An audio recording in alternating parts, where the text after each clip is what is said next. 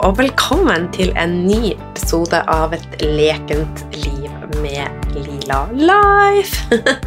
Det er påske, og sjøl så er jeg i Bodø. Og er det én ting som jeg har på agendaen denne påska, så er det å senke skuldrene, gå enda saktere, være mere og riste rett og slett bort alle forventninger og ja, logg mer av. For eh, som du kommer til å høre i denne episoden, så er det fortsatt en del å ta tak i i lila Life. og da, når vi snakker om, da snakker jeg om hormonbalanse. Og det er jo sånn at så mange som åtte av ti damer opplever hormonell ubalanse. Og omtrent 50% av alle damer har en hormonell ubalanse. Og det her tenker jeg, det må snus. Men siden hormonene våre svinger, så er ikke det nødvendigvis enkelt å måle. Men i fjor høst så kom jeg over Dutch-testen, som tar eh, hormontesting til et nytt nivå.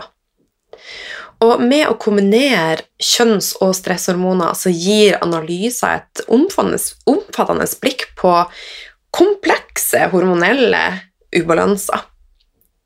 Jeg har sjøl tatt testen, og i dag skal vi gå igjennom min test på direkten.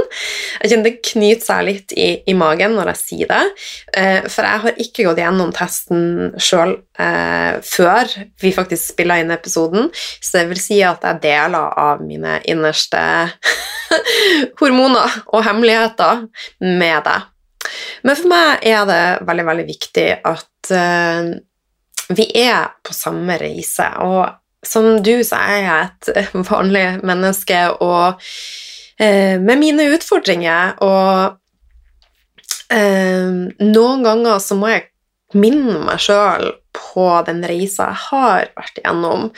Det er ikke mange år siden, hvis jeg spoler fem år tilbake, så var jeg 100 sykemeldt og eh, hadde kara meg opp begynte å kare meg opp etter en ME-diagnose og hadde flere autoimmune diagnoser. Eh, så jeg er jo kommet veldig, veldig langt i dag, fem år etter. Eh, men som du vil høre i denne episoden, så er det fortsatt ting å, å ta tak i. Og jeg må jo si at jeg stiller meg i en litt sårbar posisjon, eh, men samtidig så har jeg sagt at med denne podkasten skal jeg være ærlig, og ærlighet er veldig, veldig viktig for meg, da.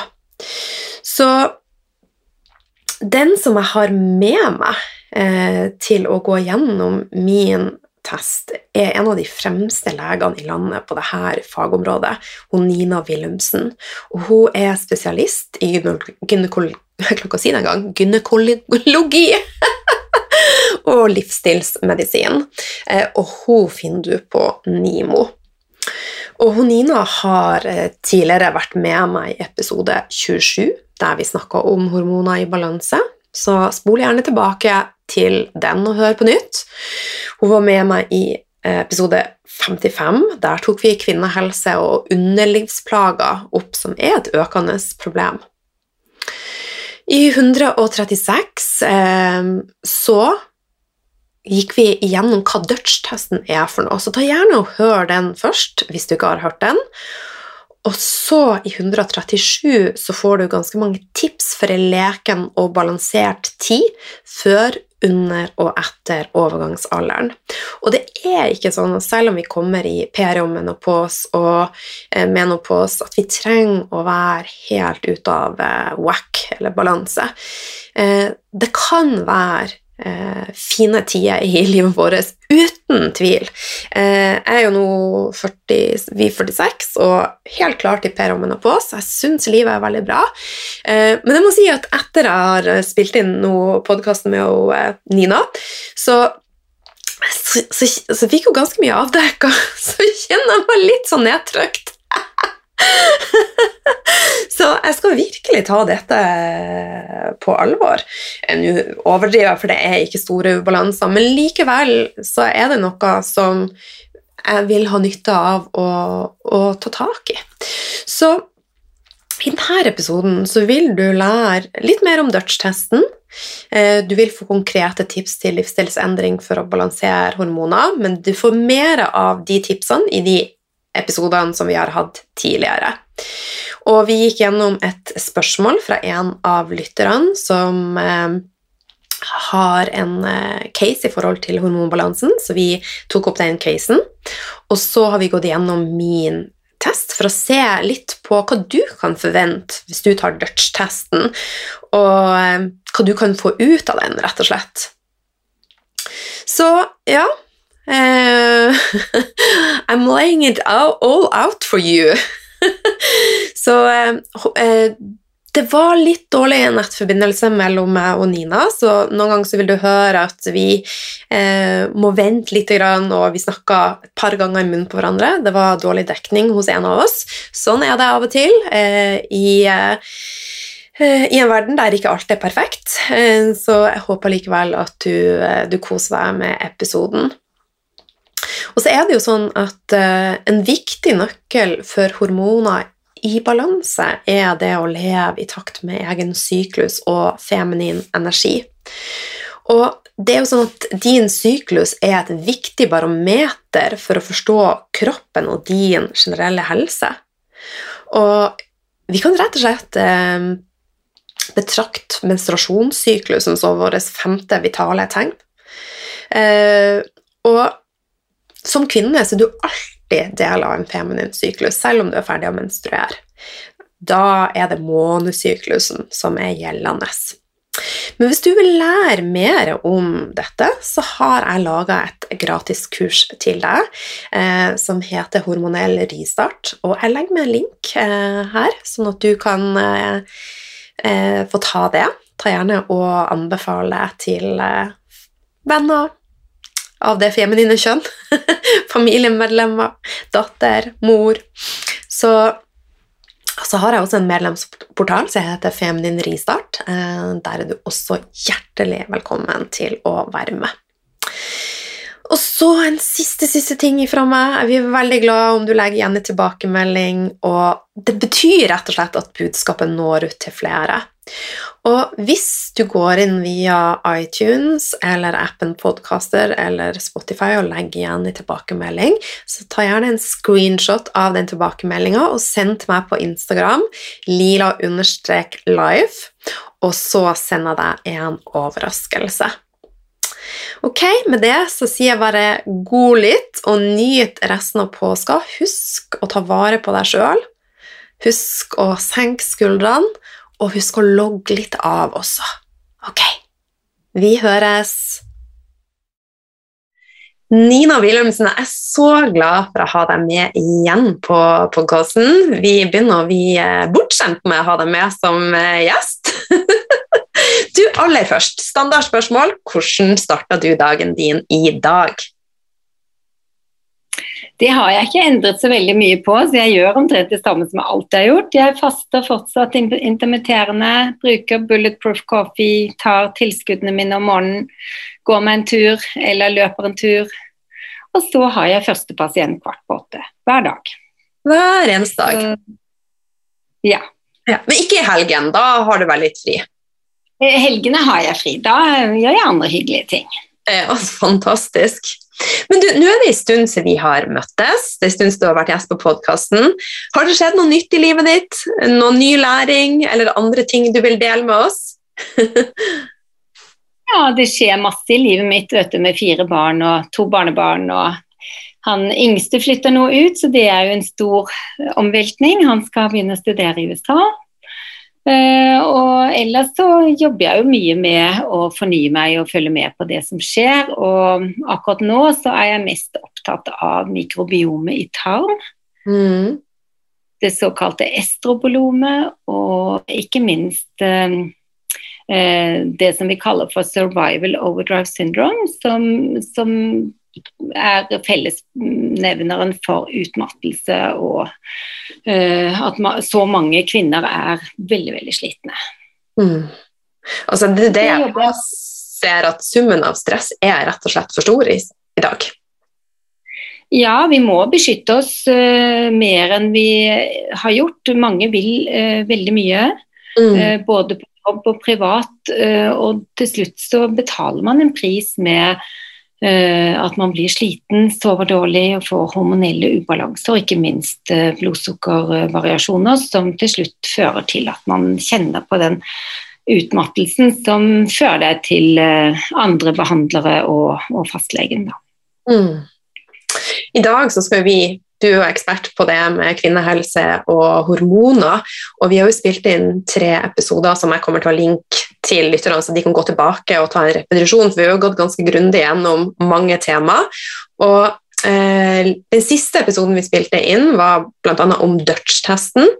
Så og I dag så skal mhm. vi ha en, eh, en gjennomgang av min test. og Det er jeg veldig spent på. Jeg gleder meg litt til å dele det online. Men du, aller først, kan ikke du bare gi en kort oppsummering på hva Dutch-testen er? Og for deg som vil ha litt mer grundigere, gå tilbake til episode 136. Yes.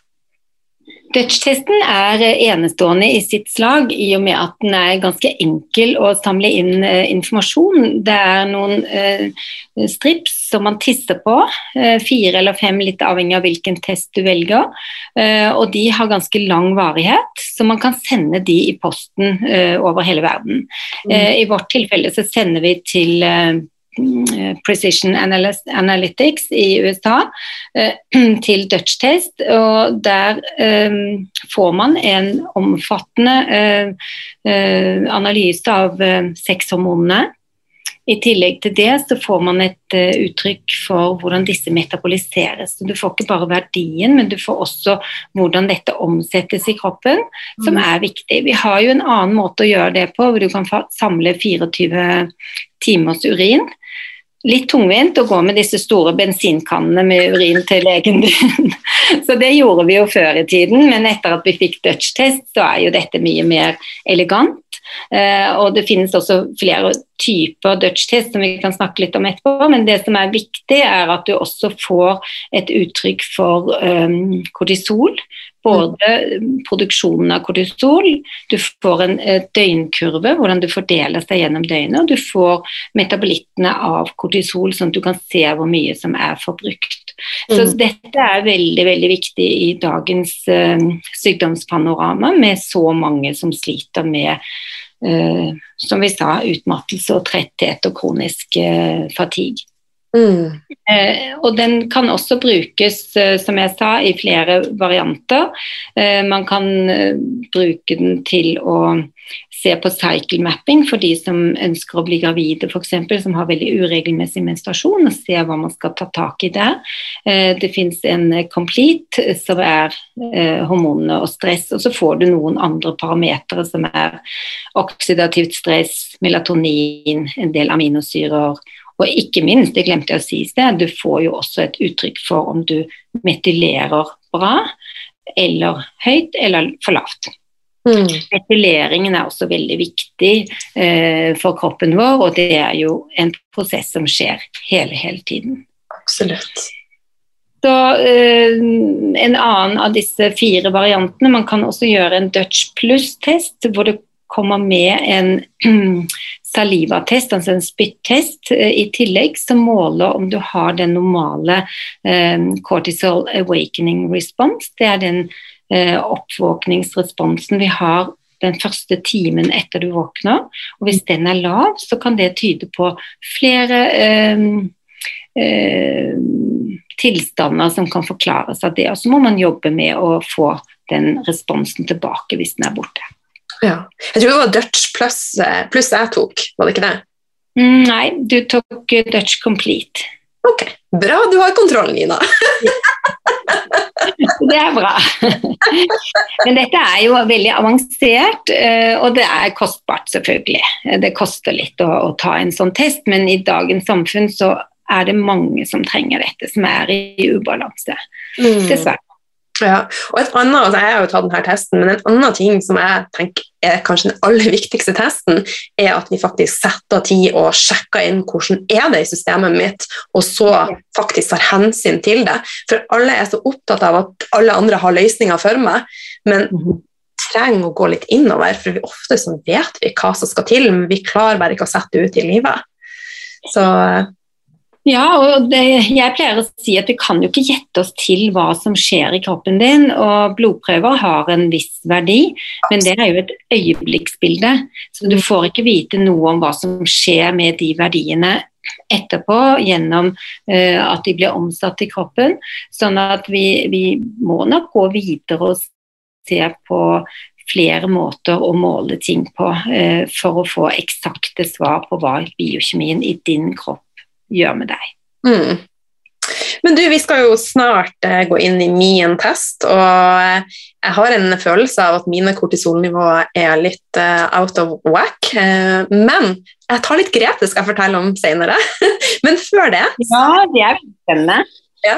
Men før det så har jeg fått et spørsmål fra en lytter, og den tenkte jeg var så relevant at uh, jeg har lyst til å lese opp uh, det, og så skal du få lov å gi mm. dine svar. Så det her er da fra hun, eh, Trine, og hun uh, sier da Jeg har fått påvist østrogendominans etter blødning etter menopos, utskrapning og prøver. De ønsker å behandle dette med gestagen, spiral, men jeg ønsker å avvente da jeg vet jeg kan gjøre mye, da jeg kan gjøre mye selv for å balansere dette.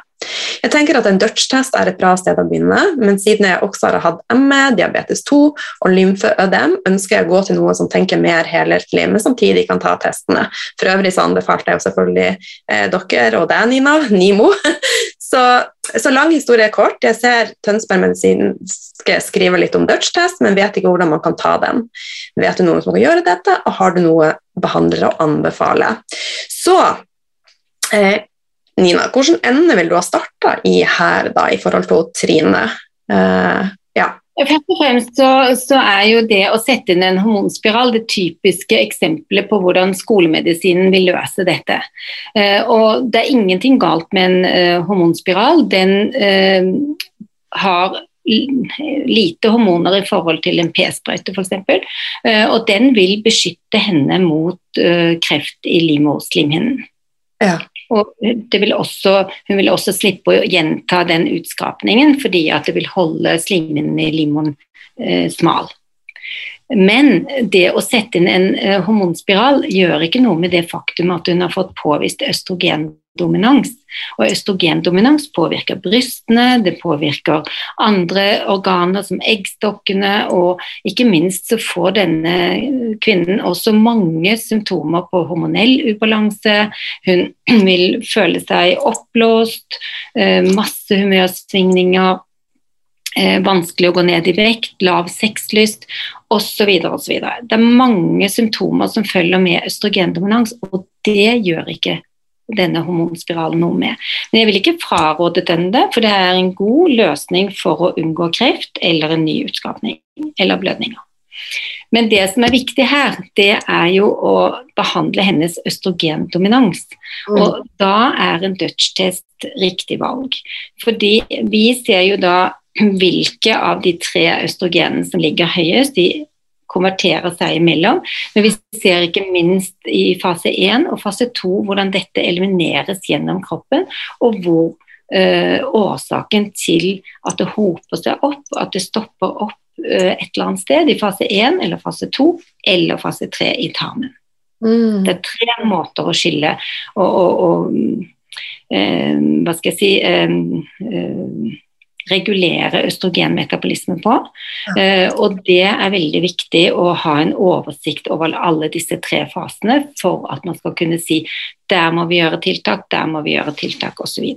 Okay. Uh, så, så, en Dutch-test er veldig viktig for henne i, i, for å unngå østrogendominans. Så har man østrogendominans i for lang tid, så vil det etter hvert ikke bare gi alle disse negative symptomene, men det vil jo etter hvert også kunne gi henne syster, polypper, kreft i brystene, kreft i eggstokkene.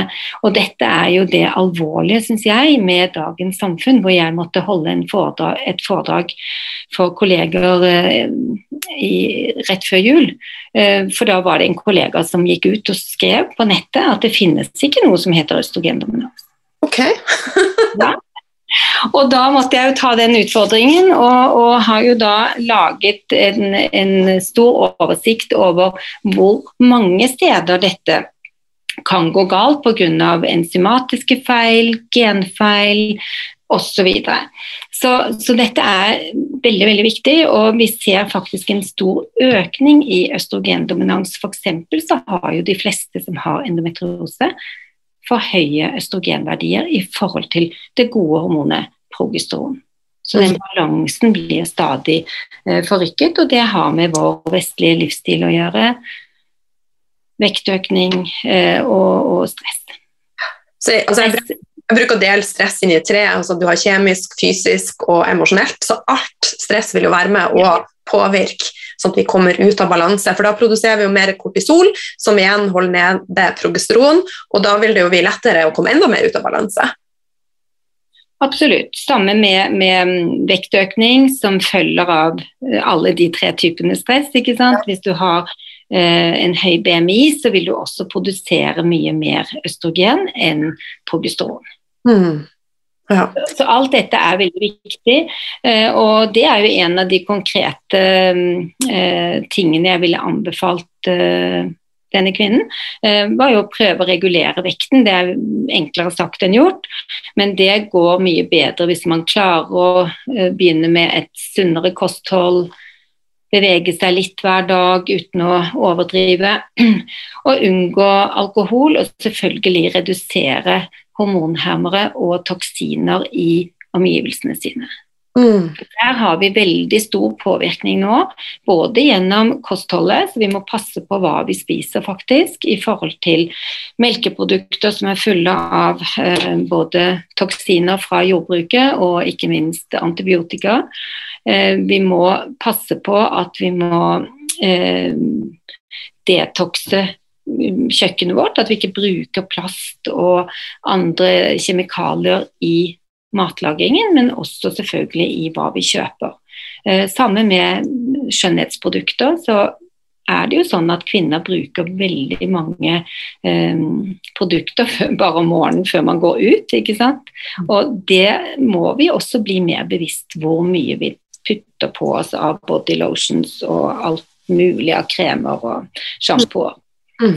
Og samme i rengjøringsskapet, så, så, går det an nå å kjøpe mer sunne eh, produkter som ikke inneholder så mye toksiner. Så det, det, var et hjertesukk, for det ser vi jo eh, at det er veldig mye av. I tillegg så anbefaler vi jo generelt til alle som har litt høyt østrogen, å spise mer krusete grønnsaker. Som brokkoli, blomkål, um, og um, rosenkål og grønnkål. Mm, og det er jo så godt! ja, og mange som får påvist um, høyt østrogen, spiser jo også en del um, spirer av brokkoli, som er det mest effektive av, av det man kan spise. Jeg må bare si en ting. Vet du hva jeg hadde til frokost i dag? Mm. Jeg hadde stekt brokkoli, blomkål og brokkolispirer, avokado. Det var sånn tjukk, tjukk, tjukk! Da har du tatt alle. Eh, men det aller, aller viktigste er jo også å poengtere dette med tarmen. Så er du eh, treg i maven eller har en dårlig tarm, så vil du ha mer problemer med å skille østrogenet ut gjennom avføringen. Mm. Så det var tipsene til henne. Ja, og så Det er også noe med å støtte levra, for det skal jo gjennom levra også. så jeg er liksom ja, det glemte jeg. Det òg. Ja. Leverstøtte sto det. ja. Så nei, men Veldig veldig gode tips, Nina. Du, er, du har stålkontroll, så uh, tusen takk for svaret til henne. Ja, dette opptar meg jo veldig, og jeg jobber jo med dette hver dag. Ja, ja du er veldig dyktig. Har du noe du vil tilføye i forhold til det mot Trine, eller skal vi hoppe over og inn i min test? Jeg kjente ja, det, det, eneste jeg vil si til henne, er at dette er vanskelig å gjøre alene. sånn at det er viktig å finne seg en god eh, partner eller veiviser. da. Mm. Enten det er med en næringsterapeut eller en god gynekolog, så vil jeg jo tenke at det er viktig for henne. Ja. Og dere på NIMO, dere, eh, sant, du har både ernæringsterapeuter og, eh, og også Dutch-testen kan tas på NIMO? Absolutt. Alle sammen. Ja. Nice. Ok, men da er det inn i min test, da. Så ja. eh, ja, skal vi bare hoppe i det? Hva forteller testen min? Ja, vi gjør det. Så da er jeg klar. Altså Hva dere, tenker du? Nei, for dere som hører på nå, jeg har ikke peiling. Jeg har bare sett sånn grovt over. Jeg så at mine kortisolnivåer var bitte litt høye, det så jeg i hvert fall. Eh, og jeg vet jo sjøl at eh, jeg kan sinnssykt mye om eh, stress, og, men jeg har ikke vært så flink å integrere det sjøl. Så nå er de siste ukene blitt enda flinkere å sette tid til å meditere og bare være mer. Så eh, mm. ja. Mm. Så jeg har en følelse av at eh, du har noe å fortelle meg. Ja. Nå, nå ser jo ikke de som lytter til dette på, på de grafiske oversiktene, så jeg kan eh, bare fortelle at eh, på første siden når du får et svar på en dødstest, så er det et, eh, en oppsummering av de viktigste funnene. Mm. Og det ser jo veldig bra ut. Ehm, du har bitte litt høyt eh, østrogen. Wow. Som ligger, ja, bitte litt høyt. Altså, hvis du ser på den første, har du den foran deg? Eh, nei, faktisk ikke, men jeg kan finne den fra. Men, men den viser jo skjematisk hva som er eh, nedre grense og øvre grense, og din ligger da mellom eh, gjennomsnittet og øvre grense. Mm. Det er ikke noe eh, alarmerende i det, men du, du har litt mer østrogen enn du har progesteron. Eh, progesteron er det hormonet som frigis når du har eggløsning. Og når vi var unge, så følte vi oss veldig bra når det ble frigitt, og vi fikk en følelse av velvære. Og sånn er det jo i dag også, at veldig, veldig mange av mine pasienter trenger eh, tilskudd av eh, bioidentisk mikronisert progesteron, som er kjemisk likt vårt eget og utvunnet av, av planter. Det begynt å ta nå etter jeg tok testen. Ja. Eh, Du ligger helt på, på gjennomsnittet, men det er klart at man sover bedre, alt blir mer balansert, man forlenger lunte, man eh, føler et, eh, en, en større grad av velvære hvis progesteronet står i sammenheng med, med østrogen, at det ikke er for stort gap der. Og så ligger du litt lavt i testosteron, og da måtte jeg se på alderen din, så tenker jeg ja, det er helt naturlig. Men da mister man jo litt av den der driven og gjennomføringsevnen, og må kanskje jobbe litt mer for det. Og det går fint an etter hvert også å um, ta tilskudd med testosteron, men hvis man føler det går utover uh, sexlyst og, og drive og energi. Det har jeg ingen problemer med. jeg, jeg tenker det. Du har jo veldig mye overskudd og veldig mye positivt, Line. Så det, det er, dette er mer for å forklare alle som hører på, ikke sant? Så det Ja, er veldig jeg er jo veldig ærlig og åpen, så jeg syns jeg er tøff som tør å gjøre dette. Ja, det er viktig. Ja.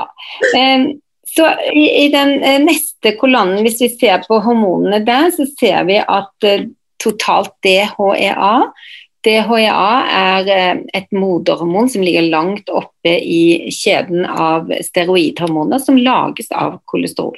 Mm. Det er en viktig eh, klinisk perle at har du for lavt kolesterol, så lager du også mye mindre hormoner. ikke sant? Så, Mm. så kolesterolet Vi må få i oss noe animalsk fett.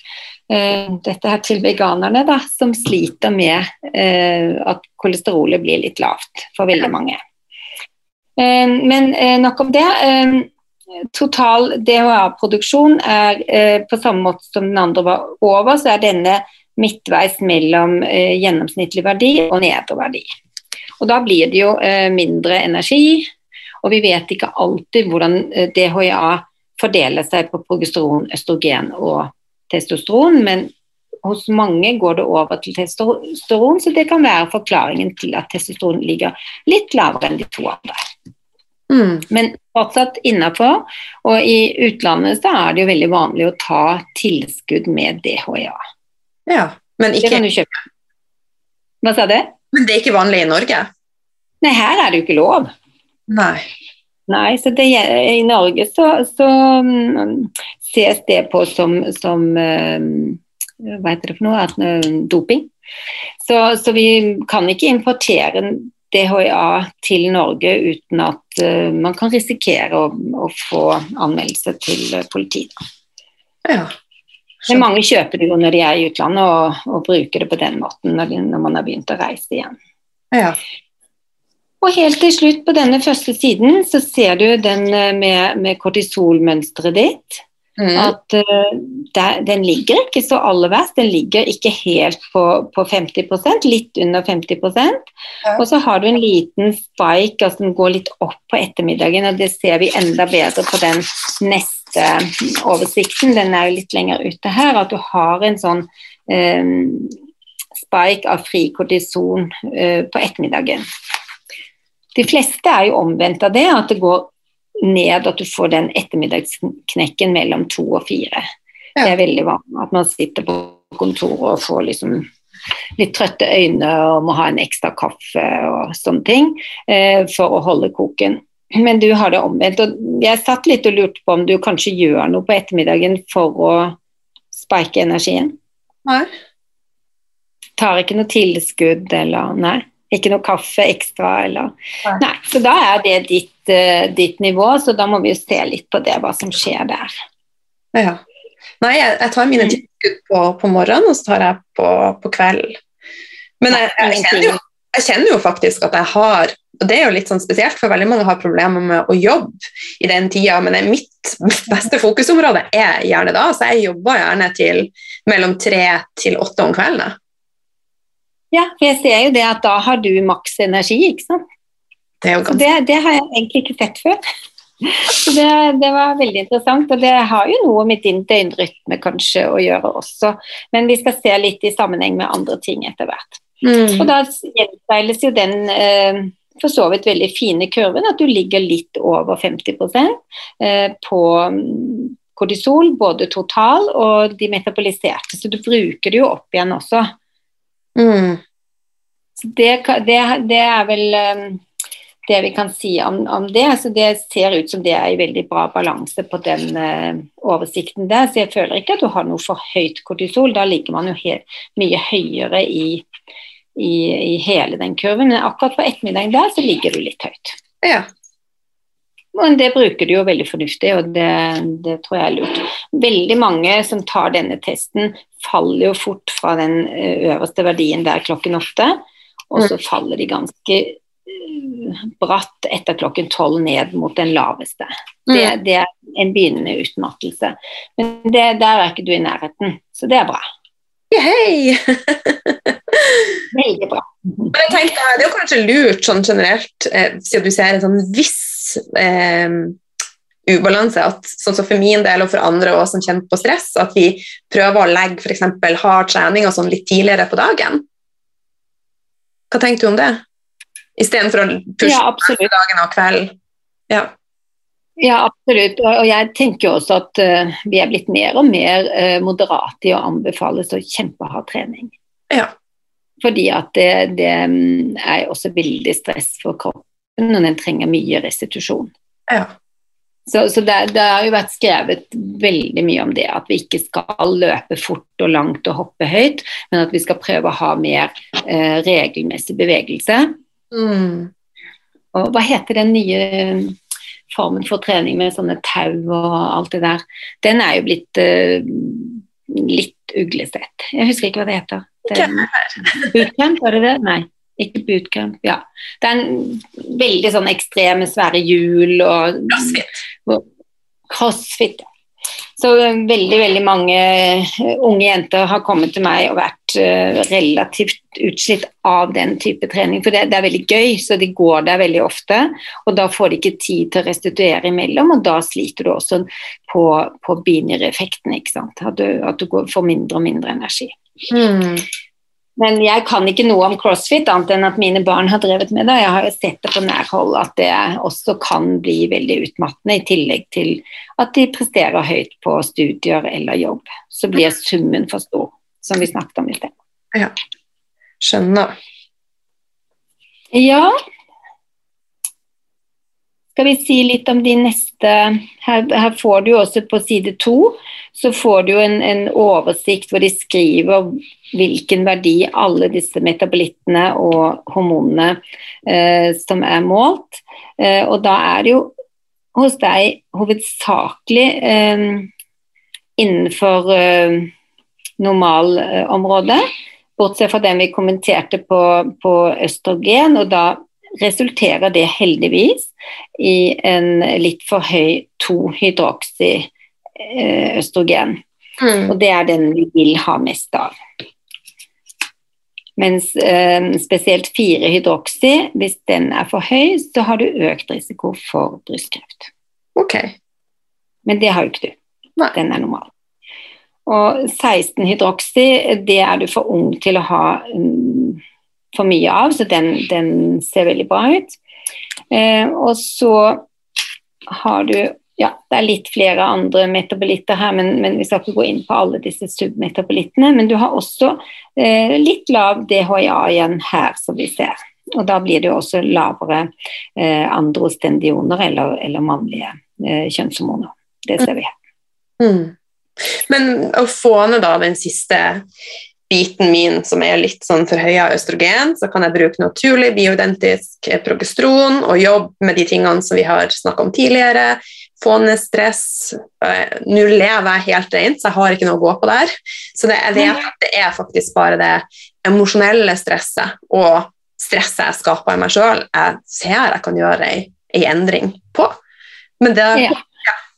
Men det, er jo tre ting. Det er jo, det er jo viktig å jobbe med hele tiden. ikke sant? At man jobber med eh, ikke fylle boken for full, ikke si ja for, til for mange ting. Men det er jo ikke lett når du jobber sånn som du gjør. ikke sant?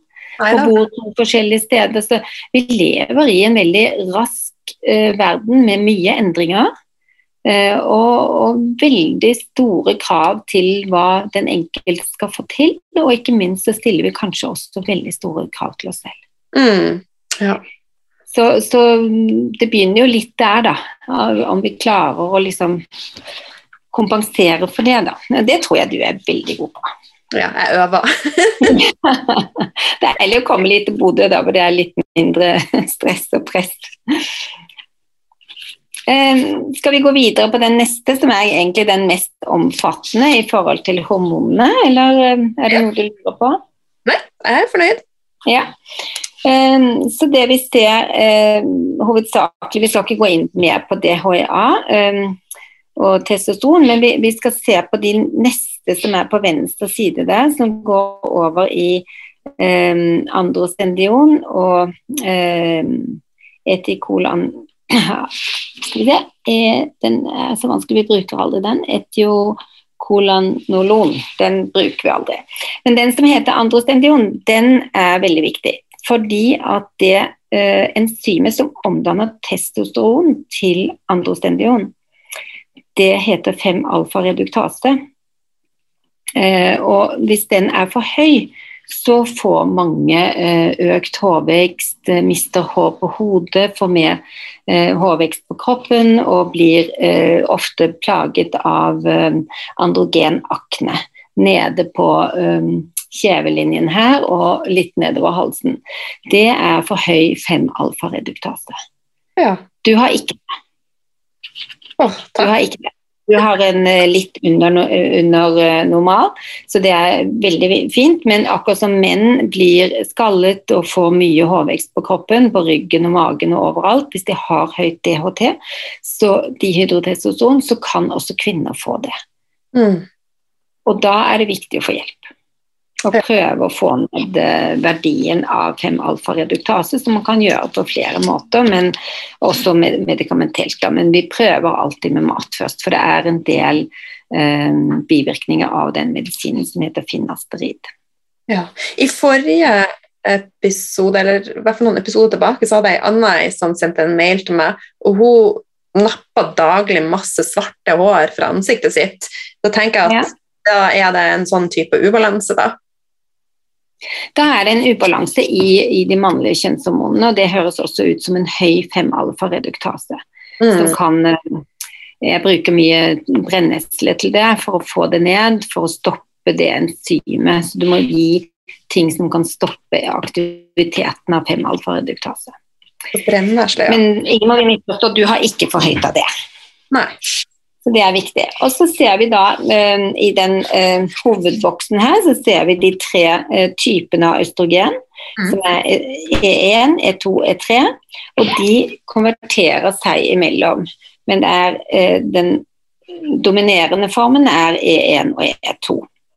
Og så brytes de ned i fase 1 i leveren eh, til 2-hydroksy, 4-hydroksy, 16-hydroksy. Det er tre metabolitter. Og hos deg er alle de normale, mens, mens, den som dominerer, er den grønne. Og vi vil ha alt ned den grønne veien. Så du har mest grønt og litt av rødt. Og, så det er veldig bra, og ikke noe økt risiko for um, brystkreft uh, forårsaket av høye, høye østrogenverdier. Så det er fase én. Og har man uh, f.eks. For, uh, for um, lite ned til den grønne eller høyere ned til 4-hydroksy, så er det en del um, tilskudd man kan ta, bl.a. disse eh, DIM, som er et enzym i krusete grønnsaker. Man kan bruke en acetylcystein. Mm -hmm. eh, og for de som har mer eh, over til 4-hydroksy, så bruker vi også ofte liposomal glutation. For å sikre at alle de eh, mulige enzymatiske reaksjonene blir stoppet. Sånn at mer og mer går over til grønt. Jeg bruker det sjøl hver dag.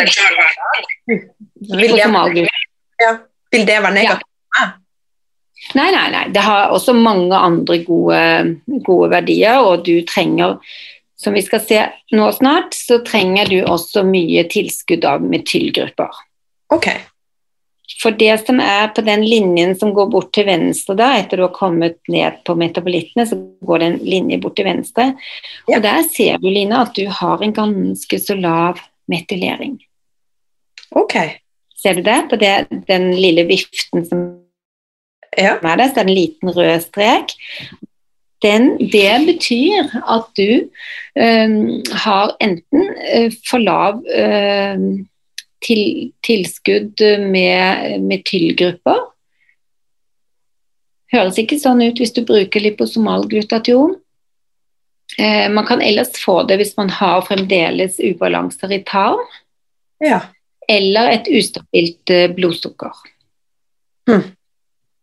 Spennende. Men det vil jeg jo ikke tro at du kan ja, og den metyleringen er vel egentlig det, det hovedfunnet. Både du lever jo så sunt og alt mulig, men dette kan også være litt genetisk. Ja. Og metylering eh, er bare rett og slett et uttrykk for uh, en kjemisk reaksjon som skjer hele tiden i kroppen vår, uh, med å tilføre eller trekke fra en metylgruppe, ja. som er CH3.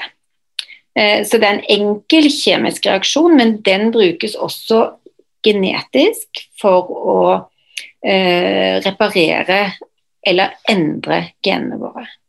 Ja. Sånn at hvis du har um, en aminosyre og tilfører CH3, så endrer du aktiviteten i gen, det genet. Ok. Så dette, dette metylering er veldig eh, kraftfullt. Eh, og det er viktig at metyleringen fungerer bedre enn hos deg. For det som skjer, selv om du har lite um, problemer her med, med, nedbrytning, så da er det jo den eh, to-hydroksy-fraksjonen av østrogenene ganske stor. Og den skal igjen skilles ut av tarmen, men den kan hope seg opp her i, i, av at du metylerer så dårlig. Du får det ikke videre, liksom. Skjønte du det? Ja, ja, så det har rett og slett med at jeg skiller det ikke også godt nok ut, da. Ja, ja. Så mm. badekaret her blir litt fullt. Ja. Det, og, og, renner over når metyleres. Vi må få opp metyleringen din. Mm. Det er kjempeviktig. Og det gjør vi først og fremst med å øh, se litt på B-vitaminene dine. Alt fra B1 til B12.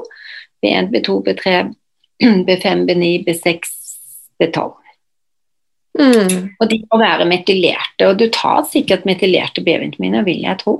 Gjør så gjør jeg ikke det, men jeg tar et multi eh, two per day som er metylerte eh, vitaminer i, da, og ganske store, men eh, da skal jeg få bestilt meg B-vitaminer. men jeg tar ja. Eh, jeg ville kanskje ikke tatt uh, både two per day og det, for det blir veldig mye som da skal håndteres av kroppen, så du må passe på at det ikke blir for mye. Men kanskje eh, i hvert fall B9 og B12 og B6. Ja. Viktig. Eh, men det kan du se på, ikke sant. Tidligere er veldig viktig for hormonbalanse for kvinner, er det ikke det? Disse, Hva sa du nå? Disse B-vitaminene som du nevner nå, det har vi jo snakka om tidligere, er veldig viktig for hormonbalansen. Veldig viktig. Og det er viktig for energien, det er viktig for humøret. Det er viktig at vi fyller på med B-vitaminer fordi vi gjør såpass mye, og mange får ikke nok gjennom kostholdet lenger, for vi skal jo ikke spise mye kjøtt. Mm. Så, så, det at vi har tatt bort mye rødt kjøtt, gjør jo at vi får uh, mindre B-vitaminer, mange av oss. Men da må man passe på å få det gjennom andre kilder, da. Ikke sant? Men kan denne eh, metyleringsgreia som jeg har da, eh, vi forbedre hvis jeg spiser mer rødt kjøtt? Ja, men det vil jeg ikke anbefale. Nei. For da øker risikoen for tarmkreft. Ok. Skjønner. Så En biff i ny og ne går fint, men, men, jeg vil jo ikke anbefale deg å spise mye rødt kjøtt. Fordi, for det finnes andre måter å gjøre det på. Ok. Og en av de måtene er jo også øh, å, å se litt på kostholdet ditt. Får du nok uh, proteiner i deg? Har du et stabilt blodsukker? Uh, har du nok metylgrupper som du tilfører via, via kosthold eller tilskudd? Mm. jeg anbefaler jo mange i dag å ta tilskudd med MSM, som er ren, ren svovel, for å kompensere for at jordbruket har drevet overproduksjon av jordbruket over hele verden, sånn at vi har mye lavere forekomst av svovel i kostholdet vårt. Ja, MSM. Så MSM er et veldig bra eh, tilskudd, eh, som også gjør at eh, man ikke mister så mye hår, får litt tjukkere hår, raskere voksne hår osv. Så MSM er bra for mye. Jeg har merka at håret mitt er blitt tynnere. Ja, Mm. Det, kan det, kan være en ja. direkte årsak at, eh, at, at, eh, håret blir tynnere. og Dermed trenger du også mer eh, B-vitaminer og MSM. Som er de beste tilskuddene for å få bedre hår og for så vidt negler. Så da får du mer av det. Mm. Um, skal vi se, jeg hadde notert meg et eller annet her, men det fant jeg ikke igjen. Ja, så Det er vel det vi hovedsakelig får ut av denne. Progesteron er jo ikke noe problem for deg. så Jeg hørte du sa at du tok det, og det er ikke feil å ta litt progesteron, men, men der ligger du helt spot on der du skal ligge. Ja. Hvis vi ser på neste side nå, så kommer vi da til oversikten over frikortisol og kortison i spytt. Mm. Så da hadde du rett, ikke jeg du har tatt en Dutch plus. For dette hadde jeg oversett i sted. Så du har tatt en sånn saliva, saliva med de tampongene som du legger inn. Juhu, jeg hadde rett! 2-0 til deg. Men, men, det som er, er at du har Og jeg forstår det ikke helt, men du har en litt lav cortisol awakening response. Din, din eh, Eh, spyttkortisol når du våkner, er litt lav. Er du litt groggy? Har du litt tungt for å våkne, liksom? Ja. ja. Og det har jeg jo delt med alle på podkasten og alle ja. på Story, at altså, når jeg våkner, så kan jeg ligge i en evighet etterpå. og der er det, Line. Det, nå har vi det helt svart på hvitt. Der er det. Og, og den uh, må vi jobbe litt med, men den tar seg egentlig ganske fort opp etter en halvtime, en time, så er det innenfor. Og så Men akkurat den når du våkner, den er for lav. Ja, ja det kjenner jeg i systemet mm. hver en dag. så jeg har jo ja, må... vekkerklokke hver dag for å, å komme meg opp.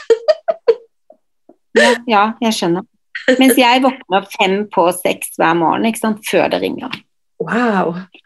Ja, Vi er veldig forskjellige, men, men jeg visste heller ikke så mye om den eh, cortisol awakening response før jeg begynte med Dutch-tester, og la merke til at de som var veldig utmattet, deprimerte, eh, hadde fødselsdepresjon, de har en veldig lav um, cortisol awakening response. Vi kaller det bare for CAR når vi snakker sammen, de, vi som snakker om dette.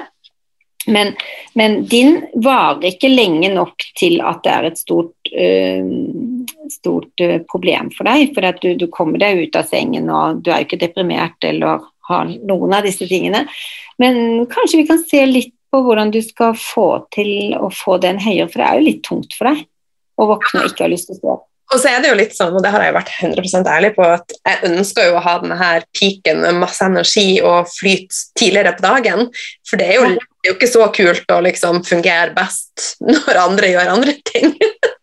da er det mer kreativ. Så, um, så jeg prøver nå å Jeg har lyst Jeg driver jo også med faste, sånn som du, uh, men å prøve å mhm. spise første måltidet mitt litt tidligere og prøve å avslutte mitt siste måltid litt tidligere. For jeg elsker å snakke på kveldene. Så jeg tror det kan påvirke hele biorytmen min. Ja, altså vi anbefaler jo i hvert fall ikke å spise store måltider senere enn tre timer før du skal gå og legge deg. Mm. Og vi anbefaler nå ikke kaffe etter klokken to. Jeg drikker ikke kaffe i det hele tatt. Nei. Men, men stimulerende midler, da. ikke sant. Mm. Lakrisrot eller uh, lakriste og sånne ting som kan påvirke søvn. Har du lest den boken til Matthew Walker? Nei. Matthew Walker. Matthew Walker. Verdensmester på søvn. Ja, men det er jo... Han endret jo hele verdens syn på søvn. Ja. Hva sa du? Nei, jeg sa jeg skal lese den i påska. Den kan vi snakke om en annen gang. Eh, men det som er viktig for deg her, det er jo akkurat den. Ellers så ligger det veldig bra. Og så kjenner vi jo nå til din peak på ettermiddagen, som også er et lite mysterium. Men da må vi se litt nøyere på hva du, hva du gjør for å få den uh, piken. Jeg er usikker på det. Ellers så er det veldig fint her. Så bra. Men kan dette ha en sammenheng? For jeg har jo hatt ME eh, og vært totalt utmatta. At dette er fortsatt et sånn overheng fra min ME-periode. Jeg har bare ikke kommet helt i mål. Ja, Det visste jeg faktisk ikke, men ja, det kan stemme. Det kan gi mening. Selv om du har gjort så mange helseforbedrende tiltak og jobbet så mye, så vil jo binyrene kanskje ha eh, noe etterheng etter det. Jeg vet ikke hvor lenge det er siden. 2017 var etter det. det ja. Så du er jo absolutt kommet uh, veldig bra av gårde likevel. Ja, ja da. Klapp på skuldra. ja. Ja. Og du er jo en inspirasjon for veldig mange andre ikke sant? Som, som har vært igjennom mye. Mm. Eh, både av autoimmunitet og ikke minst eh, ME. Da. Ja. Mm. Så det går an å komme seg ut av det, men, men det er jo en, en uh, veldig innsats som skal til på flere områder. Mm. Ja, og det og nå, å bryte hodeler og det å bryte van vaner og sånn er ikke nødvendigvis så lett bestandig, men det er mulig. Nei, det er ikke Det er absolutt mulig, men det krever mye viljestyrke og en, en, innsats for å bli bedre. Og kjenne på de forbedringene hele tiden. Så det, det skjønner jeg veldig godt. Og jeg ser jo det hos meg også med pasientene mine, at det er ikke alltid like lett. Nei.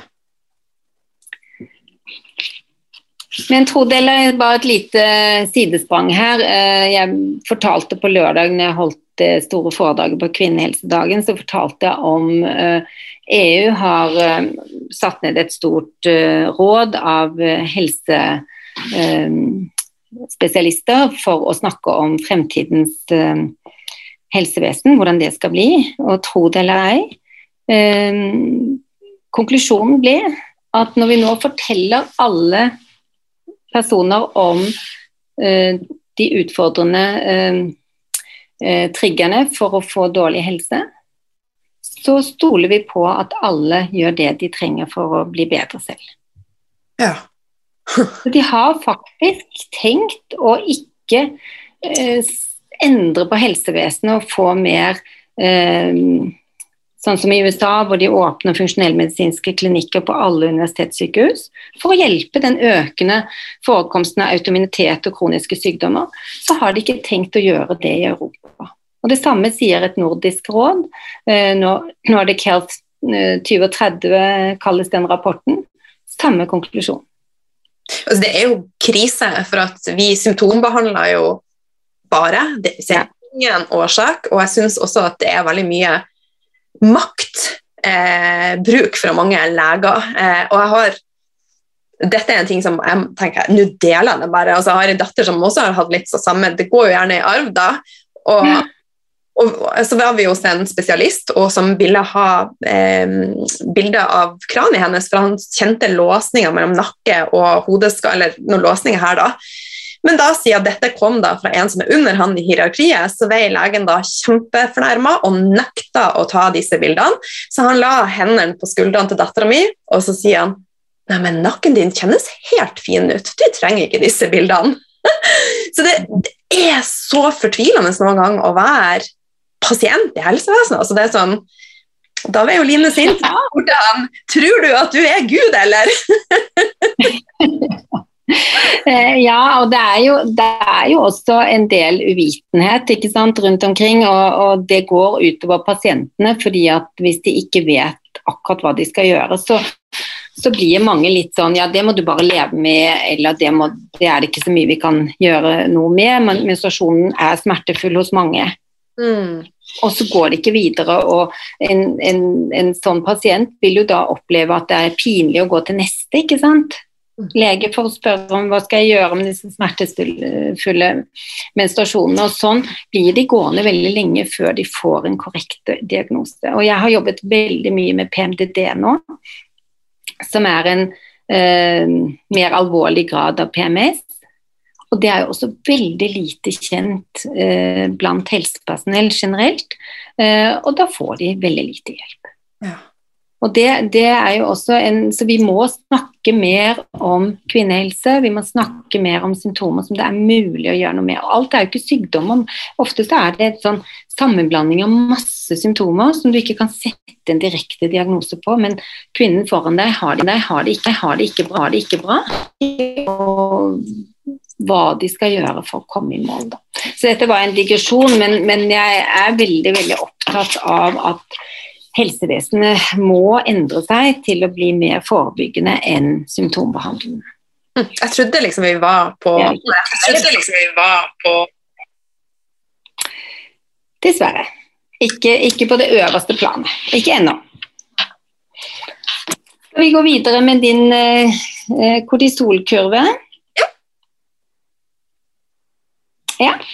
Eh, og her ser vi at eh, en sånn skisse over hva som gir stress, fra hypotalamus og hypofysen og ned til binyrene og hvordan de eh, styrer stressnivåene våre. Og er, igjen så er det en veldig fin kurve hos deg, men du har en enda mer eh, uttalt peak her i, i det frie kortisonmønsteret. Eh, Kortison er jo en variant av kortisol. Mm. Så det, den, den, er ganske uttalt, men du detter heldigvis ned på kvelden. For jeg ser også noen som har ganske lave kurver i løpet av dagen, og så får de en sånn um, ny energi på kvelden. Det er veldig vanskelig å, å behandle, for de snur jo døgnet på hodet. Mm.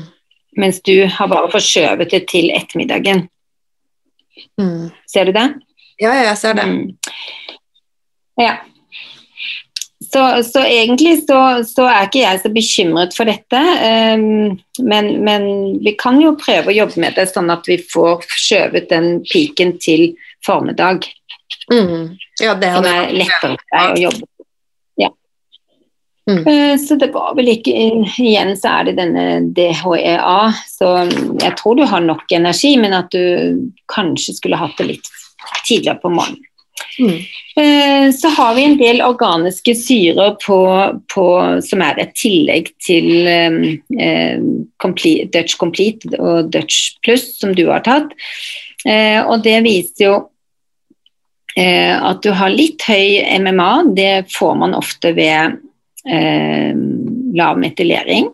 Så det, blir, det vil eh, stabilisere seg når man gir deg mer B-vitaminer så vil du få MMA, som du ser øverst der, metylmalonat, eh, vil stabilisere seg når du får en høyere vitamin B12 og 9. Mm. Eh, vitamin B6 er viktig, et viktig tilskudd for de som ligger litt lavt i, i, humør, deprimerte. Så kan man ta tilskudd av pyridoksin 5-fosfat, som er den naturlige eh, varianten av vitamin B6, som nå er tilgjengelig i Norge. Ja på, på vitaminx.no bl.a. og tights.no. Så det er flere nettsider som selger den, og den kan være veldig bra å bruke hvis man føler seg litt eh, nedstemt eller har utfordringer med depresjon. Så, så, kan det være et veldig bra tilskudd eh, for det. Glutation ligger veldig bra, det tar du jo tilskudd av. Men du har eh, lave verdier av eh, dopamin, og noradrenalin og adrenalin. Hmm. Og det har man hvis man har en lav metylering. Da produseres det mindre av dopamin. Så du har sannsynligvis noe cravings på sjokolade, sukker. Eh, jeg har veldig cravings på mørk sjokolade, så jeg spiser mørk sjokolade hver dag. Så det er sånn etter jeg har spist middag Så det første jeg tenker på ja, Også når jeg spiser frokost. Så det er sånn det første første tugga så begynner jeg å drømme om kaffen min.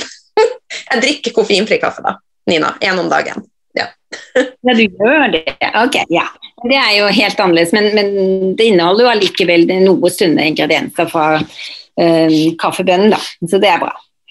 Men, men det, det, med dopamin er jo ekstremt viktig, for når du har lav dopamin, som du har her i, i den testen, så vil du slite med å være satisfied. Altså du vil, du vil, på en måte alltid føle at det er noe som mangler. Mm. Gjør du det? Nei. Men det tror jeg er for at jeg jobber så mye mentalt, at jeg er hele tida i, i, hodet mitt og er takknemlig. Og, så det kan hende at jeg overstyrer, egentlig.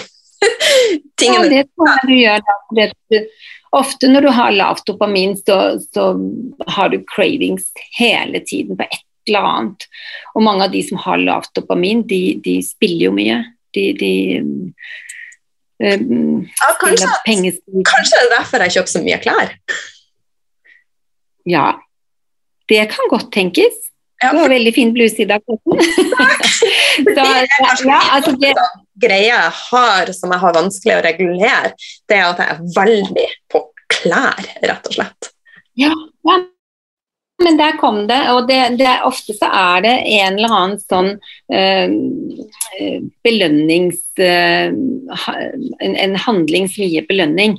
Enten det er i form av sjokolade, alkohol, spillegalskap eller å overhandle, bruke for mye penger på klær. Men, men, du er jo flink til å korrigere det meste, men, men det er jo en forklaring på den eh, gleden du får over å skaffe deg noe nytt. Da. Den spenningen og gleden. Mm. Det er ganske vanlig blant kvinner, da. Så det er jo ikke noe galt med det, så lenge du kan betale det.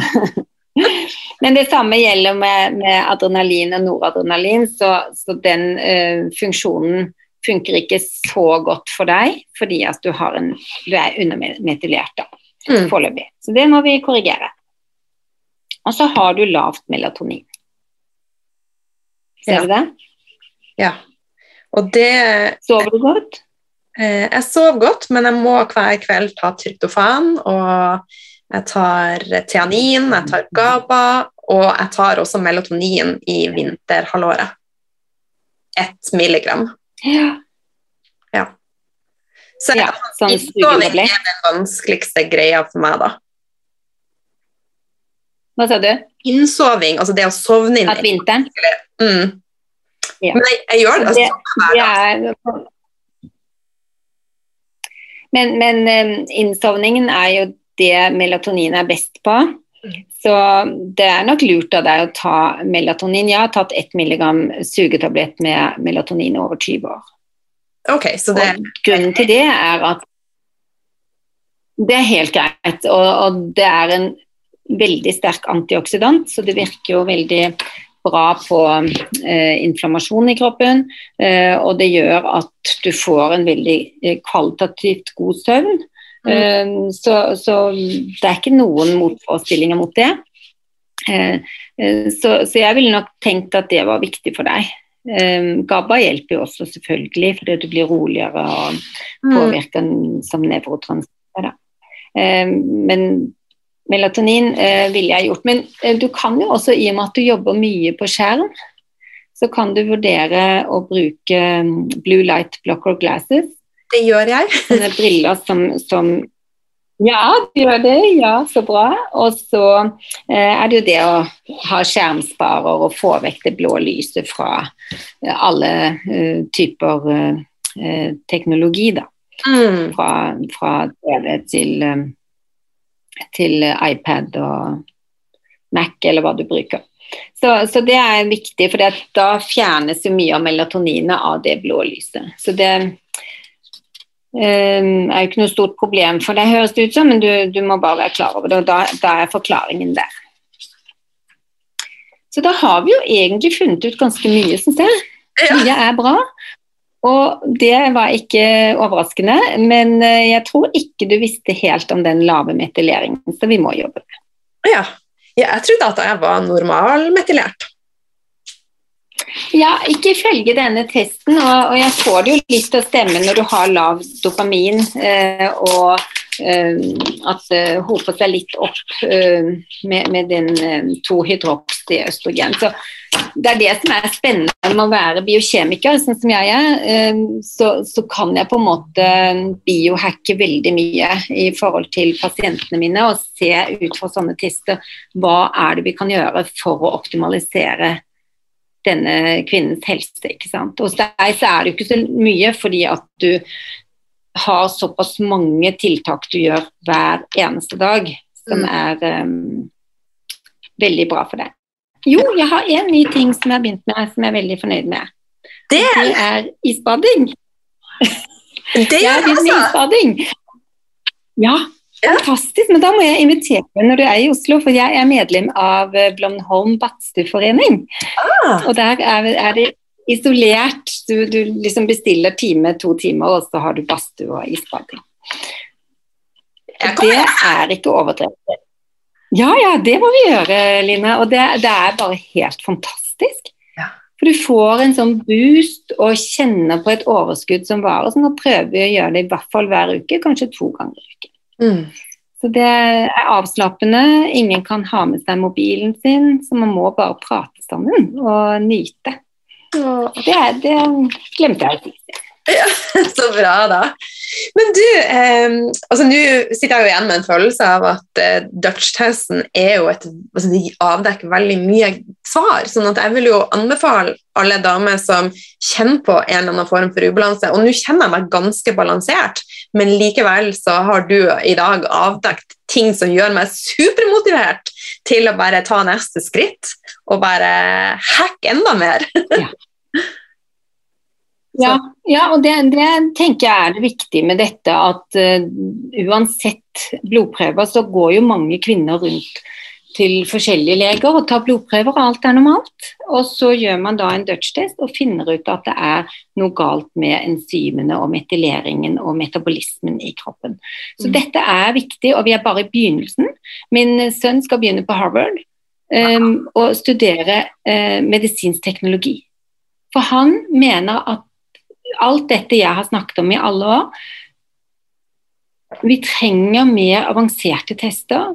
Han øh, ønsker å lage et toalett hvor du kan øh, måle alt som vi slipper ned i toalettet, og bare få det ut på veggen. Wow! Fantastisk. Så det var grunnen til at han, det, det var til at øh, han var en av de som ble valgt til å komme inn da. Men det er jo et stort nåløye på det. Men jeg tenker at det er utrolig viktig at vi har unge, smarte eh, mennesker som ønsker å gå inn i medisin for å endre det som er så utrolig gammeldags. Mm. Vi, og nå har jeg ringt til, til eh, hormonlaboratoriet på Aker sykehus og fått snakke med en ung eh, lege der som virker som hun ønsker å endre panelet for eh, tester man kan ta. Wow. Bl.a. på det vi snakket om i sted med den 5-alfa-reduktase. Den hadde det jo vært veldig nyttig å få målt.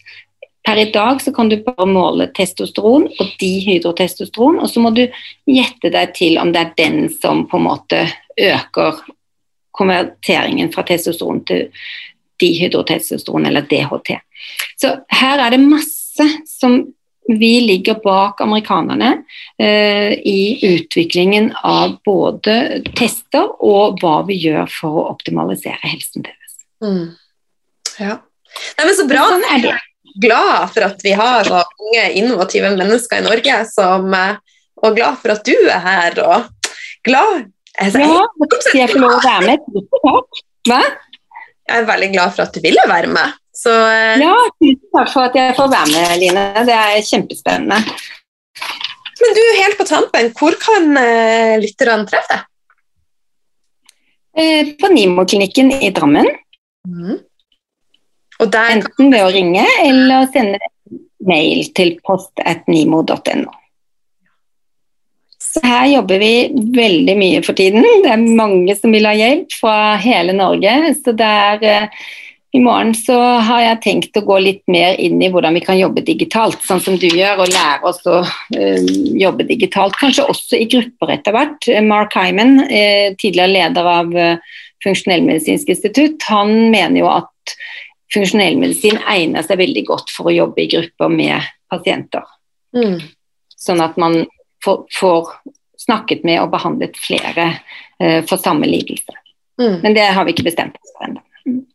Så fint. Men du, tusen takk for at eh, du var med oss, Nina. Gleder meg til å ha deg med neste gang òg. Ja, takk skal du ha. Hei igjen. Her er jeg litt uh, småsvett etter episoden, som jeg syns var litt skummelt å gå igjennom, men jeg overlevde. um, denne episoden er ikke sponsa på noe som helst eh, måte, og jeg har tatt kontakt med Nordic Group for å få en rabatt på Dutch-testen, og dette er ikke noe heller jeg tjener penger på uh, i det hele tatt. Uh, så jeg har fått en prosent som gir deg 10% hvis du ønsker å ta Dutch-testen. Det er på selve testen. Og hvis du vil ta testen, så sender du en mail til ifm at nordicgroup.eu, og så skriver du bare emne i emnefeltet lila 10, og at du vil ha Dutch-testen, da. Og da får du 10% på testen. Ok. Hjerteklem ifra meg.